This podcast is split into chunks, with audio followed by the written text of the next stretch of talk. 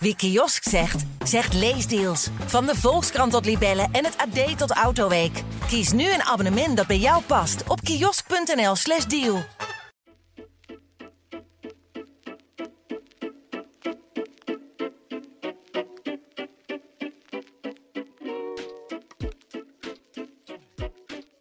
Hallo, dit is Haarzelf Uurtje, de politieke podcast van Trouw, waarin je alles hoort over het belangrijkste nieuws uit Den Haag en hoe dat het leven van ons allemaal beïnvloedt. We gaan de diepte in en vertellen je dingen die je niet in de krant leest. Mijn naam is Christel Smit en deze week spreek ik met de verslaggever die voor ons de formatie volgt, Wilma Kieskamp. Wilma, welkom. Ja, fijn hier te zijn, eh, Christophe. We gaan het hebben over uiteraard de grote gebeurtenis in de Eerste Kamer, de spreidingswet. Uh, en dat kunnen we wel noemen de eerste stresstest uh, voor de formatie. Want die heeft ook invloed op de formatie. Dat gaan we uh, straks allemaal uitleggen, hoe die twee dingen verband met elkaar houden. Um, beginnen bij het begin.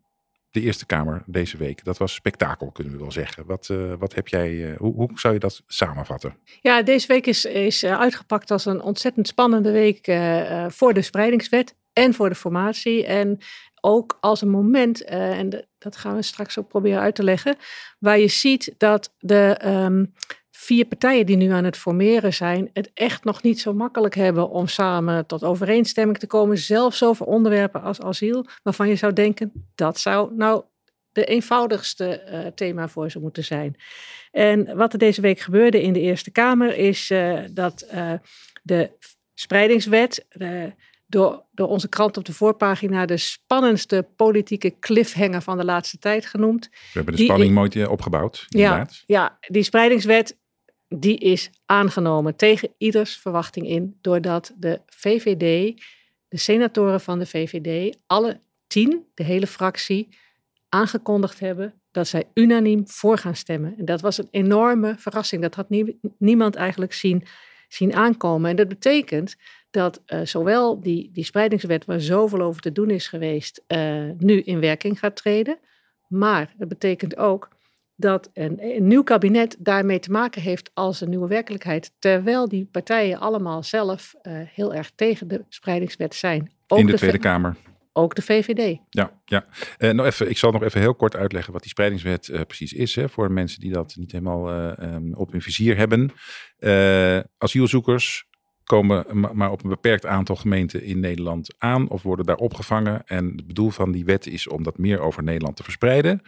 Uh, gemeenten en provincies moeten daar uh, aan meewerken. En als ze dat niet doen, zou het Rijk, dus de staatssecretaris of de minister, in noodgevallen die gemeente kunnen dwingen om opvangplaatsen te regelen. Dat is uh, kort samengevat de spreidingswet. Ja, um, ik denk dat de um, staatssecretaris Erik van den Burg, die daar deze week in de Eerste Kamer met, met, uh, met een soort enorme energie die wet stond te verdedigen, dat hij nu meteen zou zeggen: nee, het is geen dwingen. Want hij stond daar juist uit te leggen: je moet, je moet het helemaal, eigenlijk zien in hetzelfde licht als de overheid. Legt ook, had hij als voorbeeld, legt ook een spoorlijn aan. En dan kan de gemeente ook niet in zijn eentje zeggen: oh, wij willen geen spoorlijn. Of de gemeente, overheid zegt ook: uh, scholen, uh, gemeenten zullen zorgen voor basisonderwijs. En dan kan de gemeente ook niet zeggen: dat willen wij niet. En op dezelfde manier krijgen gemeenten nu krijgen een taak.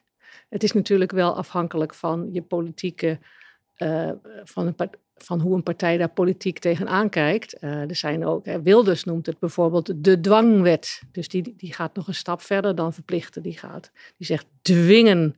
Um, die ziet het als een groot dictaat. En uh, er is de, de, emotie rond die wet zag je deze week ook wel. Uh, toen, toen dat duidelijk werd als verrassing eh, op, op dinsdagavond in de Eerste Kamer dat de VVD-fractie voor zou gaan stemmen. Toen, toen stond ook de PVV-senator die, de wet, die de, probeerde de wet tegen te houden, die stond op en die zei we zeiden, dit is buigen voor links gedram. Dit is buigen voor de asielindustrie. Dit is buigen voor de bestuurlijke elite. Dus, mm -hmm. dus je voelt wel hoeveel spanning daarop staat tussen uh, de VVD-staatssecretaris die voor is en de PVV die tegen is. Ja. Ja, en Annabel Nanninga van Ja 21, die sprak zelfs van verraad. Hè, van de, dat de VVD-fractie in de Eerste Kamer uh, dan zogenaamd het volk had verraden. Dat waren ook zware woorden. Hele zware woorden, ja. ja.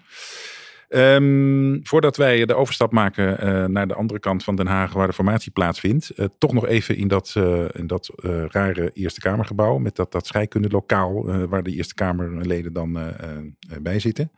Um, waarom was het nou juist zo verrassend dat die VVD-fractie voorstemde? Dan moet je eigenlijk haast terug naar deze zomer, naar de val van het kabinet. Um, het houdt allemaal verband. Uh, het kabinet is gevallen over, uh, kabinet, of over asiel, omdat uh, de VVD vond dat er meer gedaan moet worden aan de, om de instroom van asielzoekers te beperken. En vanaf dat moment heeft de VVD-fractie gezegd: wij, wij, gaan, wij waren voor de spreidingswet, maar we zijn er nu tegen. En op die manier zijn ze ook de campagne ingegaan. En het heeft ook in hun verkiezingsprogramma gestaan. Eh, de spreidingswet, die mag er pas komen als eerste instroom drastisch omlaag is gegaan. Wat in de praktijk betekent dat hij er gewoon voorlopig niet mocht komen. En zo heeft ook uh, Dylan Jezielgus, de nieuwe leider van de VVD, de opvolger van Rutte, uh, ja, daar eigenlijk voor de partij een, een symbolische inzet van gemaakt. En lang leek dat helemaal niet zo gecompliceerd. Zeker niet na de verkiezingsuitslag. Want uh, ook uh, eh, BBB, die gewonnen heeft, wil, is tegen de spreidingswet. Ook um, de, en, een nieuw sociaal contract van Pieter Omzicht is tegen de spreidingswet. Um, en inmiddels was de VVD ook tegen en de PVV was sowieso tegen de dwangwet, zoals ze hem noemen. Daarom is het dus ook verrassend dat het nu alsnog um, deze afloop heeft gekregen dat die wet er juist wel komt. Ja, maar goed, dan zeggen institutionele scherpslijpers, die zeggen dan ja, oké, maar dat waren verkiezingen voor de Tweede Kamer. Dat is een heel politiek instituut. De Eerste Kamer heeft een heel andere taak. Die moet wetgeving controleren op uitvoerbaarheid, et cetera. De chambre de réflexion. Dus is het niet eigenlijk, zou het eigenlijk niet veel normaler moeten zijn dat fracties in de Eerste Kamer anders stemmen dan in de Tweede Kamer van dezelfde partij? Er is eh, natuurlijk in de Eerste Kamer is, is, is helemaal vrij en die heeft ook een taak om, om op een andere manier naar wetten te kijken. Dat zei, dat zei Edith Schippers van de, van de VVD, de fractievoorzitter in de Eerste Kamer. Die, die haalde dat er ook onmiddellijk bij. Die zei vrij, die, die, het is, die deed die zei eigenlijk dat het heel normaal was dat zij het tot een andere, dat het zomaar kon gebeuren, dat zij tot een ander oordeel kwamen, omdat uh, wij beoordelen, zei ze, op uitvoerbaarheid, op handhaafbaarheid, op de kwaliteit van een wet. En we hebben het op zijn eigen merites bekeken. Um, maar in de praktijk gebeurt het zelden, uh, zelden tot nooit dat een fractie in de Eerste Kamer anders stemt dan in de Tweede Kamer. Dat gebeurt zo weinig dat er zelfs een, een, een term voor is. Dat heet de wet van noten. Ooit, heel lang geleden, is dat door een PvdA-senator bedacht uh, en die heeft dat toen destijds zelfs uitgerekend dat uh, als een fractie in de Tweede Kamer eenmaal gestemd heeft voor, dan zal de fractie in de Eerste Kamer ook voorstemmen. Wat ook best logisch is, want politiek gezien denken ze vaak over een onderwerp natuurlijk logischerwijs hetzelfde, want het is één partij. Ja. Maar toch hebben senatoren wel veel meer politieke vrijheid. En wat je hier nu ziet gebeuren is eigenlijk dat in de Eerste Kamer zie je de VVD meer als de bestuurderspartij, die zij de laatste jaren zijn geweest. Die kijkt naar um, signalen uit het land van burgemeesters, van um, commissarissen van de koningin. Die zeggen van het gaat zo niet met de asielopvang. Uh, we, we, hebben gewoon afspraken nodig hoe we het gaan verdelen. En het is misschien niet ideaal, maar het moet zo. En aan de andere kant zie je dan de VVD uh, ja, de, de, de campagnepartij, die, die, die, de VVD is echt, echt van alle partijen de meest geoliede campagnemachine altijd. Waar ook naar de, altijd, ja, die gewoon kijkt van wat zijn goede onderwerpen voor ons, waar wij kiezers uh, op mee kunnen winnen uh, voor ons verhaal. En die campagnepartij die zet uh, dit, dit onderwerp van de spreidingswet en het harde nee daartegen naar voren. En samen, die twee VVD'en, die zitten samen in die formatie. Mhm. En daarom is dit ook zo'n symbolische issue. Ja, ja, het is natuurlijk ook voor de kiezer lastig te begrijpen hè, dat uh, uh, mensen van één partij verschillend over een zaak kunnen denken. Dus in die zin is het ook voor de burger een interessante gebeurtenis dit. voor de kiezer. Hey, we gaan inderdaad nu even de aangekondigde wandeling maken van de Eerste Kamergebouw uh, naar het Tweede Kamergebouw. Dat is, hoe lang zal het zijn? 10 minuten, een kwartiertje lopen in, dat, in de tijdelijke behuizing van de Tweede Kamer. Want daar vinden op dit moment de formatiegesprekken plaats. En daar was deze week ook het een en ander te doen om diezelfde spreidingswet. Um, beschrijf eerst eens hoe de sfeer daar eigenlijk is in dat gangetje daar boven aan die roltrap. Toevallig zit onze redactie van Trouw daar uh, heel dichtbij, onze werkkamer. We hebben een eigen werkkamer op het Binnenhof. En, um, Ver weg van het Binnenhof, hè? Ja, ik noem het toch nog steeds het Binnenhof. Ik vind het zo'n mooi woord. Ik, vind, ik wil daar nog geen afstand nou, van doen. Dus ik noem gewoon die, die tijdelijke huisvesting is voor mij ook het Binnenhof. En daar hebben wij dus een eigen werkkamer. En we hoeven eigenlijk maar één deur door en één trap af. En dan staan we daar op die plek waar nu, die je nu ook op televisie uh, in beelden continu ziet waar al die uh, cameraploegen op, opgepropt staan. Uh, wij, staan dan vaak achter de camera's met ons notitieblokje. We doen het met een paar, met uh, twee verslaggevers, volgen we de formatie. En um, ja, de sfeer is daar deze week um, compleet anders. De afgelopen periode stonden we daar wat eindeloos te wachten. Terwijl we wisten dat er elke dag toch niks gezegd ging worden. Maar nu voel je de spanning. En um, interessant is ook hoe, hoe je ziet dat, uh, hoe Geert Wilders daarmee omgaat. Hij, um, hij is daar ook um, op dit moment nog steeds degene die um, in zijn contacten met de pers het meest van alle vier uh, onderhandelaars probeert uit te stralen dat hij de aanstaande premier is. Uh, dat merk je heel erg aan al zijn lichaamstaal als hij zo tegenover ons staat. Hij, hij neemt journalisten dus tegenwoordig heel serieus als we een vraag stellen. Dan, dan uh, gaat Wilders daaruit, dan neemt hij daar de tijd voor. Dan, uh, dan, dan zie je dat hij zich ook al probeert te transformeren tot een echte klassieke politicus. Hè. En dan, gisteren deed hij dat heel typerend. Dan, dan zegt hij eerst uh, sorry, ik kan eigenlijk niet antwoorden op die vraag. Want vraagt hij begrip voor het kwetsbare proces van de formatie vrienden van de pers, hè, zei hij ook uh, op een ja, moment. of hij zei zelfs van niet om onbeleefd te zijn, maar ik kan echt niet meer zeggen. Hij maakt gewoon excuses als hij een vraag niet kan beantwoorden. Is maar, ook voor het eerst hè, dat hij zich verontschuldigt voor eventuele onbeleefdheden. Ik denk het wel, ja. ja. ja. En, uh, maar wat hij ook deed, was daar toch tot drie maal toe en niet voor niets achter elkaar binnen een paar seconden zeggen dat er een groot probleem is in de formatie. Een groot probleem. En dat is voor de PVV natuurlijk ook een heel groot probleem dat die spreidingswet nu toch is aangenomen. Want waarom is dat een probleem voor hem? Ja, kijk, de VVD heeft de campagne opgevoerd, maar voor de, de PVV is er ongeveer voor opgericht. En zij hebben ook een heel, hun heel eigen um, uh, kijk op die, op die wet. Een hele, uh, er was nog een hele discussie in, in, tussen de staatssecretaris en de PVV deze week in de Eerste Kamer waarbij dan de PVV redeneert dat als je opvang regelt voor asielzoekers, dat elke extra plek die erbij komt, levert ook automatisch op dat er één asielzoeker extra naar Nederland komt. Zo, dat, zo zit dat in hun hoofd. Terwijl Van de Burg zei, ja, we hebben gewoon nu een over, mensen die slapen in sporthallen of ter Apel, waar drie keer zoveel mensen, of ik weet niet exact, uh, mensen worden opgevangen dan mogelijk is. Dus daar is helemaal geen sprake van dat we extra asielzoekers hiermee naar Nederland halen. Maar dat is hoe de PVV ja. het dan ziet. Maar goed, uh, Wilders zei dus inderdaad, als ik me goed herinner, letterlijk... Uh, we hebben een groot probleem en daar gaan we over praten. Uh, dat zal hij dus zeggen tegen Jessielgus van de VVD. Die moet dan kennelijk een probleem oplossen. Maar hoe, wat, wat is dan voor, voor de VVD de oplossing? Die, die, die senaatsfractie gaat dinsdag voorstemmen voor die spreidingswet. Die gaat niet uh, op haar schreden terugkeren. Wat moet de VVD precies oplossen hier? Kijk, in normale onderhandelingen zou het zo zijn dat de PVV nu kan zeggen: Goh, wij hebben met z'n vieren zijn we hier die gesprekken begonnen met als inzet dat die spreidingswet er niet zou komen. Uh, jouw partij heeft nu gezorgd dat die spreidingswet er nu toch komt. Daarom wil ik iets van jouw partij terug. Dat is dan standaard onderhandelingsdynamiek die hier nu waarschijnlijk ook wel van toepassing is. Maar met deze formatie is iets aan de hand. Uh, je moet er wel met, je moet eigenlijk alles wat hier gebeurt met een bepaalde, door een bepaalde bril bekijken. En dan snap je de dynamiek opeens veel beter. En die bril is dat ze zijn tot elkaar veroordeeld. Dit zijn vier partijen die alle vier geen alternatief hebben. En ze moeten wel met elkaar onderhandelen. Uh, Wilders kan boos zijn, maar hij kan weglopen. Maar wat heeft hij als alternatief? Hij kan niet met andere partijen een coalitie gaan vormen.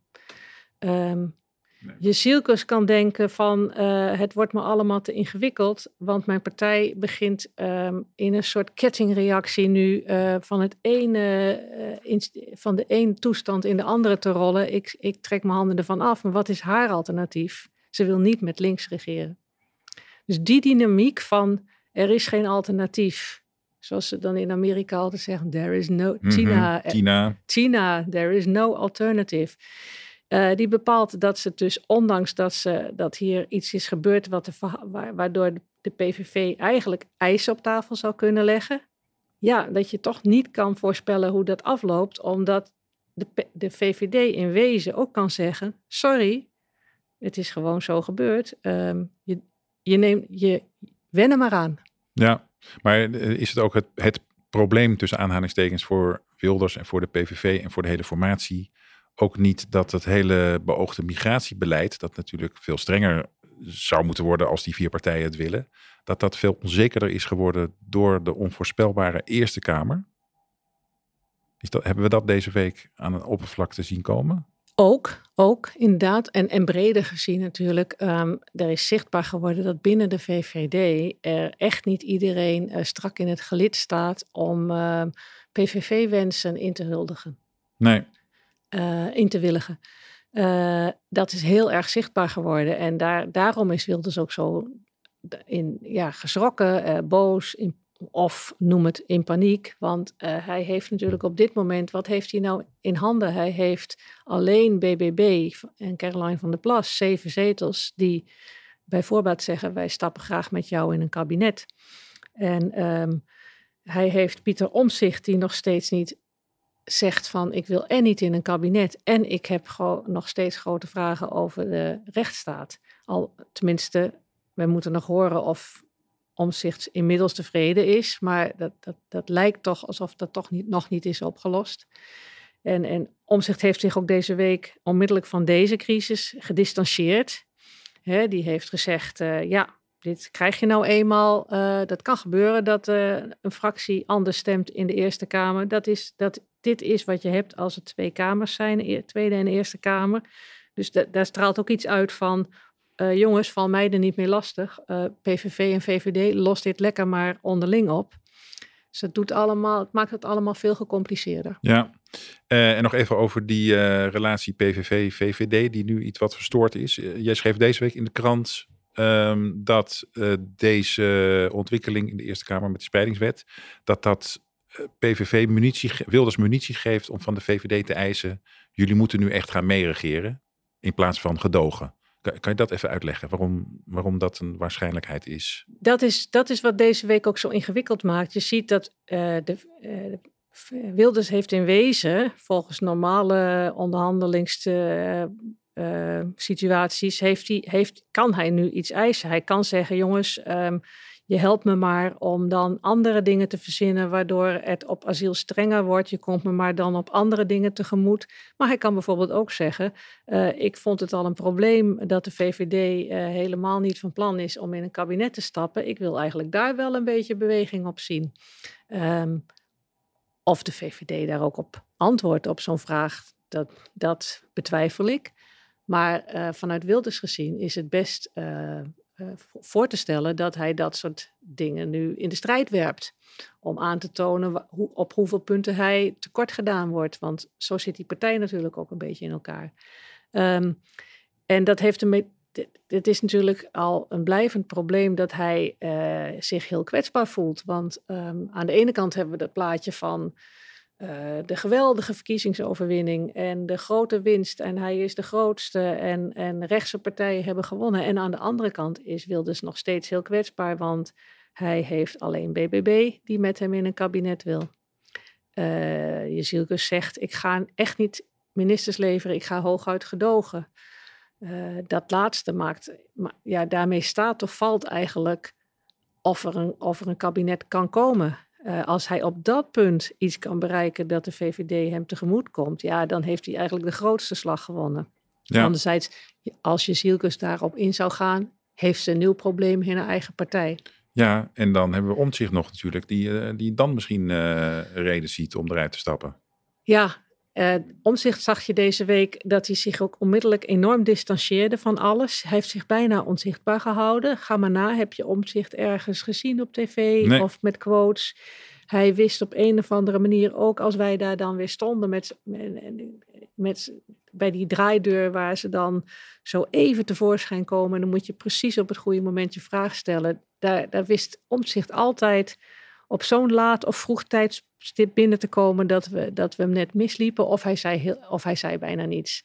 Ja, de, de, de, de, de, hoogleraar transparantie, zeg maar, die is opeens onzichtbaar. Nou ja, kijk, uh. hij, hij, uh, hij zit hier ook in, misschien in een lastige positie. Want kijk, um, wat het probleem in de formatie is ontstaan omdat de, de fractie van de VVD in de Eerste Kamer anders stemt dan die in de Tweede Kamer. Maar democratisch gezien mag dat gewoon. Daar is, uh, dat was ook de reactie van Omzicht. Van dit is, hij zei letterlijk, dit is wat je krijgt. Dit is wat je nou eenmaal hebt als er twee kamers zijn.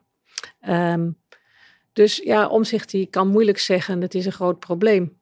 Uh, want het past ook niet bij zijn uitstraling van een partij die heel ehm, uh, heel belangrijk vindt dat het parlement uh, vrij is en dat volksvertegenwoordigers vrij zijn om hun eigen standpunt te bepalen. Hij zou het eigenlijk moeten toejuichen. Hij had eigenlijk moeten zeggen: Ik vind het schitterend dat VVD-senatoren um, zo zelfstandig hun afwegingen durven maken, uh, zonder enige druk of maar dat heeft hij trouwens ook weer niet gezegd. Dat is ook interessant. Ja, ja.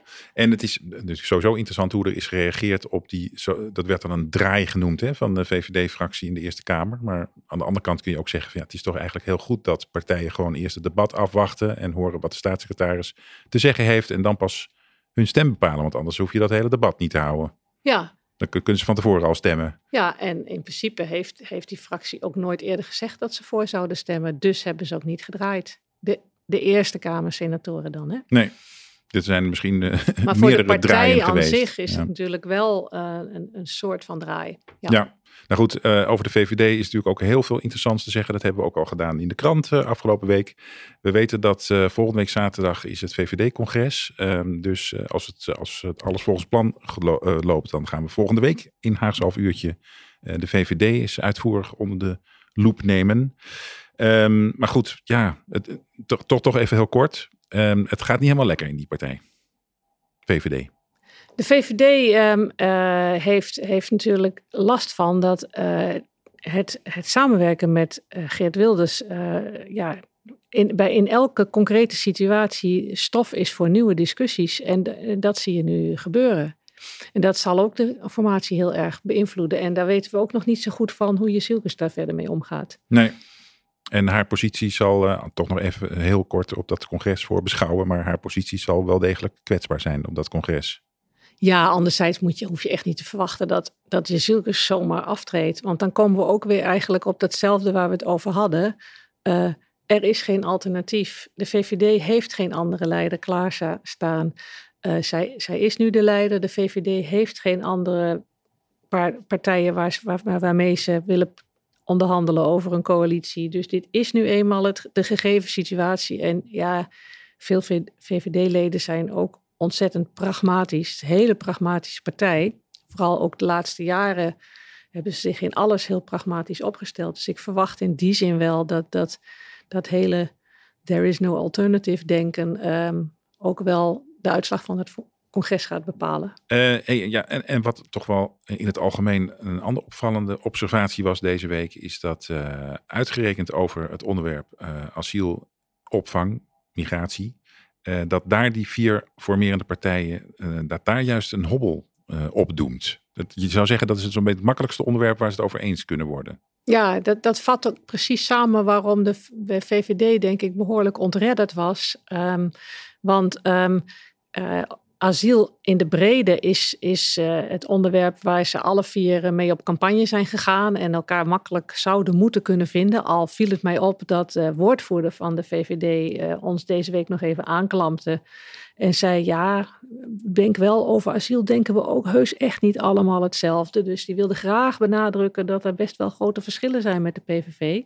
Maar daarbinnen, binnen asiel, daar was nou juist die spreidingswet, dat was het ene ding. Nou, als er één ding simpel was in die hele kabinetsformatie, dan moest het dit zijn.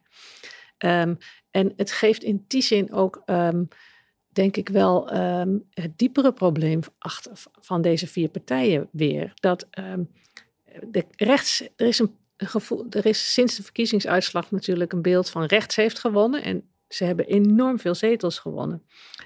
maar ze zijn niet zo machtig geworden dat ze makkelijk alles nu kunnen beslissen. En ze zijn, dat is het belangrijkste wat erbij komt, onderling veel verdeelder dan je zou denken. Um, en als je kijkt puur naar zetels opgeteld, um, hebben PVV, BBB en VVD, dus zonder omzicht, mm -hmm. die hebben samen 68 zetels. Dus die, zijn, die hebben geen macht, die hebben nee. omzicht nodig. En van omzicht weten we eigenlijk op dit moment nog niet eens, is dat een rechtse partij? Nee.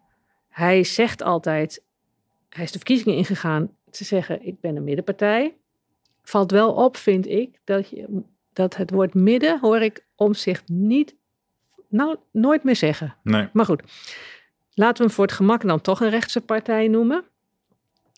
Tel hem erbij op, dan heb je 88 zetels. Dus als hij meedoet, dan kunnen ze alles beslissen. Dan zitten ze royaal. Dan kunnen ze um, in welke constructie dan ook. Uh, of het nou een gewoon kabinet wordt of een apart, aparte vorm, dan zitten ze goed. Maar doet omzicht niet mee, dan kunnen ze nog gaan kijken of ze die 68 zetels van die drie andere partijen, of ze daar nog wat kleine zeteltjes nog bij kunnen sprokkelen bij stemmingen in de Tweede Kamer. Hè. Dan kijk je ook naar de SGP, ja 21, tel alles maar op. Dan zit je ook 75 in forum, zetels. Forumvijvers te vissen. Ja, uh, ja, inclusief de forumvijver. 75 zetels, geen meerderheid. Dus als je zo zit te tellen naar die cijfers, dat, dat, dan zie je dat rechts is enorm gegroeid. Rechts heeft de, de leiding. Um, maar ze zijn gewoon zonder omzicht, kunnen ze bijna nee. niks. En onderling zijn ze verdeeld in een populistische partij. Twee populistische partijen, waar ik BBB ook even toe reken voor het gemak. Uh, hoe ze zich nu opstellen in de formatie. En um, dan de VVD, waar we deze week dus zagen dat die bestuurderspartij die zij ook zijn, er ook nog steeds is. Mm -hmm. En over heel veel onderwerpen denken ze verschillend. Over financiën, over klimaat, over de steun aan Oekraïne. Uh, ja. ja. Maar over, over uh, nieuw sociaal contract van omzicht werd al voor de verkiezingen gezegd. Uh, die wordt cruciaal in de formatie, omdat die zowel over rechts als over links kan regeren. Uh, maar Omzicht heeft al vrij snel eigenlijk die linkse route uitgesloten. Is dat niet eigenlijk heel onverstandig van hem geweest, omdat dat hen, zijn onderhandelingspositie verzwakt in dat, in dat rechtse formatiegesprek? Hij, hij, kan, hij kan niet zeggen van nou, dan ga ik maar naar Timmermans. Ja, maar hij kan altijd nog zeggen, ik ga in de oppositie. En dan, ja, dat is dus, daarom, hij hoeft ook helemaal niet te kijken naar links, want zolang hij dreigt in de oppositie te blijven en dreigt om ook helemaal geen afspraken te willen maken over welke gedoogvorm dan ook, ja, dan blijven ze over met die 68 zetels. Um, dat is zijn macht. Ja. Hij heeft het al. Oké. Okay. En als je eventjes uh, heel algemeen uh, naar de formatie kijkt, hè, uh, die is nu nou, een paar weken bezig. onzichtbaar voor ons. Radiostilte. Is dat echt zo? Hoor je echt helemaal niks? Of zijpelt er toch iets door? Want je had het over die VVD-woordvoerder. Houdt iedereen zijn kaak op elkaar? Dit is de derde kabinetsformatie waar ik nu als verslaggever rondloop. En ik heb nog nooit meegemaakt dat er zo weinig uitlekte. Uh, zo weinig details, zelfs geen onschuldige details. En daar is denk ik ook wel een verklaring voor. Dat uh, lekken uh, in Haagse ja, in Den Haag, die hebben altijd iets te maken met dat je iets durft te lekken, omdat er ook wel genoeg vertrouwen is, dat je weet dat het geen schade aanricht.